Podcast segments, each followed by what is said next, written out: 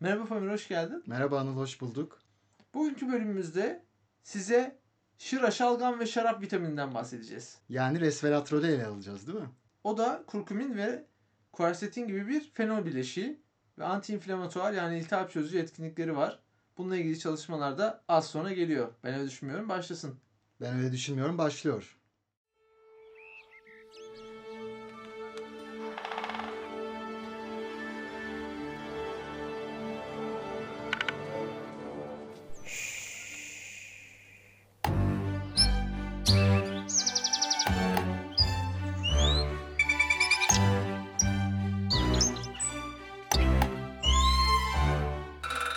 Peki Pamir bugün resveratrolün sihirli bir değnek mi yoksa başka bir sağlık modası olup olmadığını mı tartışacağız ve konuşacağız. Evet hadi bu soruların yanıtlarını arayalım. Arayalım.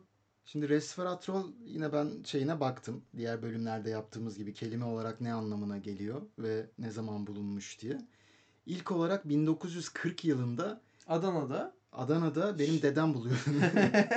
Bu arada benim dede gerçekten o işlerle uğraşıyormuş ama 1940 yılında beyaz çöpleme otunun köklerinde tanımlanıyor. Beyaz çöpleme otunun ne olduğu çok önemli değil. Bazı yerlerde farklı isimle de anılıyor. Ondan sonra geleneksel Çin ve Japon tıbbında da kullanılmaya başlanıyor. Adı da şuradan geliyor. Reçine ve veratrum. Veratrum işte o bahsettiğim bilginin latincesi. Reçine de resin. e, Onun karışımından geliyor. çok güzel. Ve yine resveratrol de diğer bileşenlerde bahsettiğimiz gibi moleküllerde, fenollerde diyeyim, vücudun hastalıklara karşı savaşmasında yardımcı olabileceği iddia edilen, antioksidan özellikleri olduğu düşünülen ve daha birçok sayısız faydası olduğu iddia edilen bir molekül. Mesela ne gibi faydaları var? Aynen kurkumin ve quercetin bölümlerinde olduğu gibi kilo kaybı için yani kilo vermek için bir potansiyel ajan. Obezlerde metabolik parametreleri yani kandaki o bizim işte kan yağlarını ya da oradaki değerleri düzeltebildiği gösteriliyor. Saman nezlesi yani alerjik rinit içinde etkili olabileceği gösterilmiş bazı çalışmalarda ama bölümün sonuna kadar kalın. Çünkü bunun aksini iddia eden bazı bilgilerde sunacağım. O zaman bu takviyenin de aynı kuersetin ve kurkumin gibi hem pozitif hem negatif yanları var. Kesinlikle var. Ben yine Quercet'in ve Zerdeçal'daki gibi hazırlandım Anıl. Kaliteli dergilerde yayınlanmış derlemeler, sistemik derlemeler ve meta analizler. Yani çok sayıda çalışmayı sistematik bir şekilde inceleyip ortaya sonuç koyan birkaç tane derlemeyi getirdim. Hemen istersen başlayayım. Resveratrol şu an internete yazarsanız resveratrol ile ilgili bazı şeyler bulacaksınız. İngilizce karşıyla longevity yani sürdürülebilirlik ya da uzun yaşam komünitesi diye bir komünite var. Onların çok kıymet verdiği bir ajan. Neden? Çünkü gerçekten ünlü bir bilim insanı var. David Sinclair diye. Harvard'da falan çalışmış. O resveratrolü bir patlattı. Ve bu derlemede ona bakıyor. Resveratrolün yaşlanma ve yaşa bağlı hastalıklar üzerindeki etkilerini inceliyor. Şimdi sen de biliyorsun ki nüfus yaşlanıyor Doğru. yaşlandıkça onlara hitap edecek ürünlerin de sayısı, miktarı, çeşitliliği artıyor. Sonuçta bu da bir pazar ve hani baştan şunu söyleyeyim. Bazı kişiler takviye ürünlerini ilaçlardan farklı görüyor. Pazar anlamında farklı görüyor. Yoksa tabii ki çok farklılar da. Sanki ilaç almayıp takviye ürünlerini alınca bir komplo teorisinden sıyrılmış gibi hissediyorlar. İşte büyük ilaç firmalarına para kazandırmadım. Doğal yollarla çözdüm. Bölümün sonuna kadar kalın. Bir şeylerden bahsedeceğiz orada.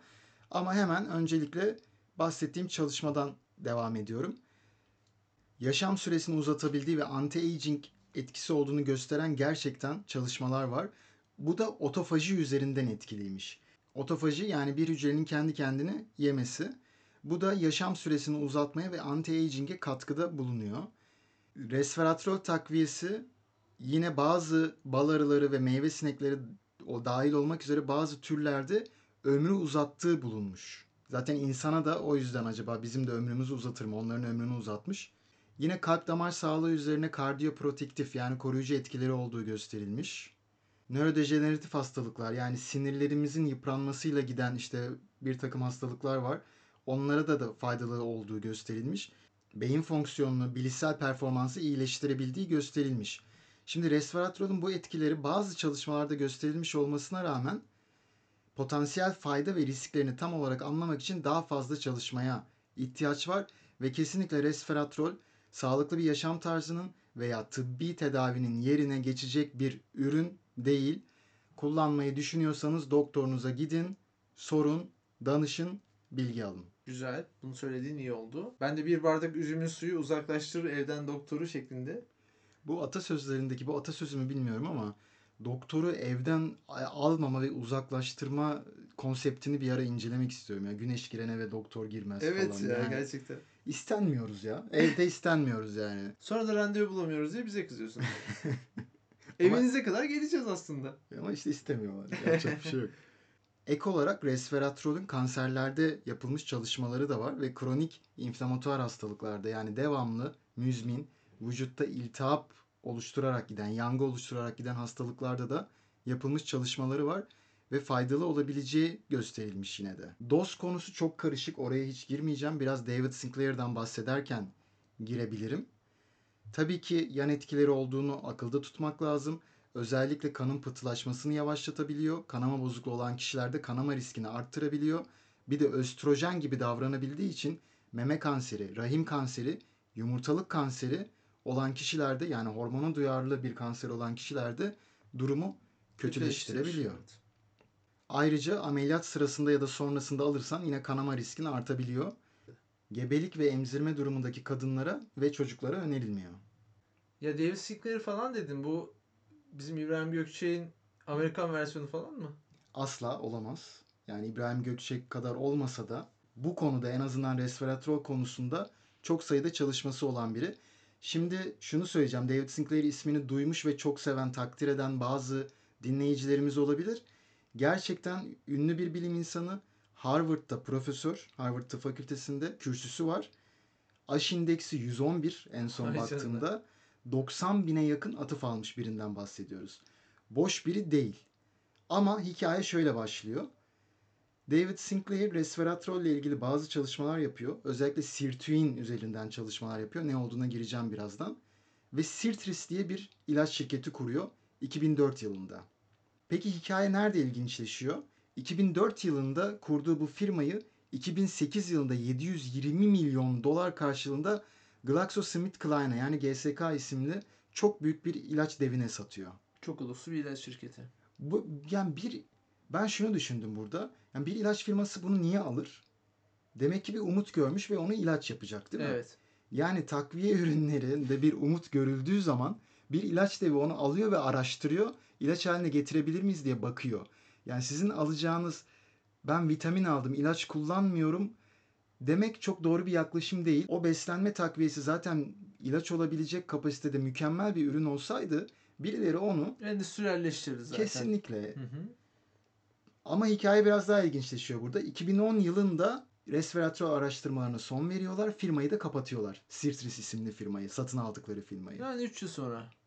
Evet. Bu neden olur sence Anıl? Laboratuvarda patlama falan mı gerçekleşmiş? Laboratuvarda patlama olmasa bile molekül patlamış diyelim yani. Hani o kadar faydalı olmadığı çıkmış. Ama resveratrolü çalışmayı bırakmışlar.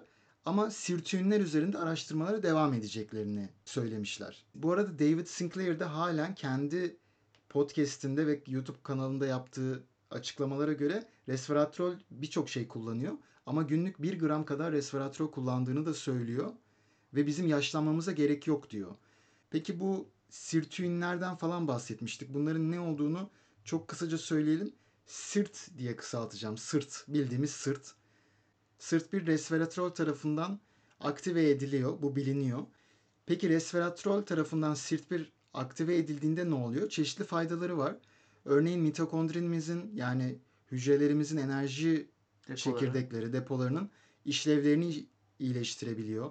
Oksidatif metabolizmayı arttırabiliyor, inflamasyonu azaltabiliyor ve yaşa bağlı hastalıkların önlenmesi ve tedavisinde katkıda bulunabiliyor. Aynı zamanda üzüm dışında başka besin öğelerinin içinde de bulunabiliyor. Mesela yemişler gibi. Peki bu Cranberries grubunun üyelerinden birinin ismi değil miydi? ne diyeceğimi bilemedim. Değildi ama yani cranberry'e girişin güzel oldu. Çünkü beriler yani yemişlerin içinde yoğun miktarda var. Turna yemişinden tut da dutta kadar en çok da dutta var. Ee, yaban mersini bunların içinde de bulunuyor. Peki Pamir yine çok bilgilendirici ve aydınlatıcı bir programdı. Teşekkür ederim. Ben de dinleyicilere bize katlandıkları için o kadar program arasından bizi seçip dinledikleri için teşekkür ederim. Unutmayın biz programda herhangi bir sağlık tavsiyesi veya molekül satışı yapmıyoruz. Asla. Sadece bununla ilgili bilimsel gerçekleri araştırmamız ölçüsünde paylaşıyoruz. Kesinlikle. Bizi takipte kalmaya ve meraklı olmaya devam edin. Ben öyle düşünmüyorum. Bitti.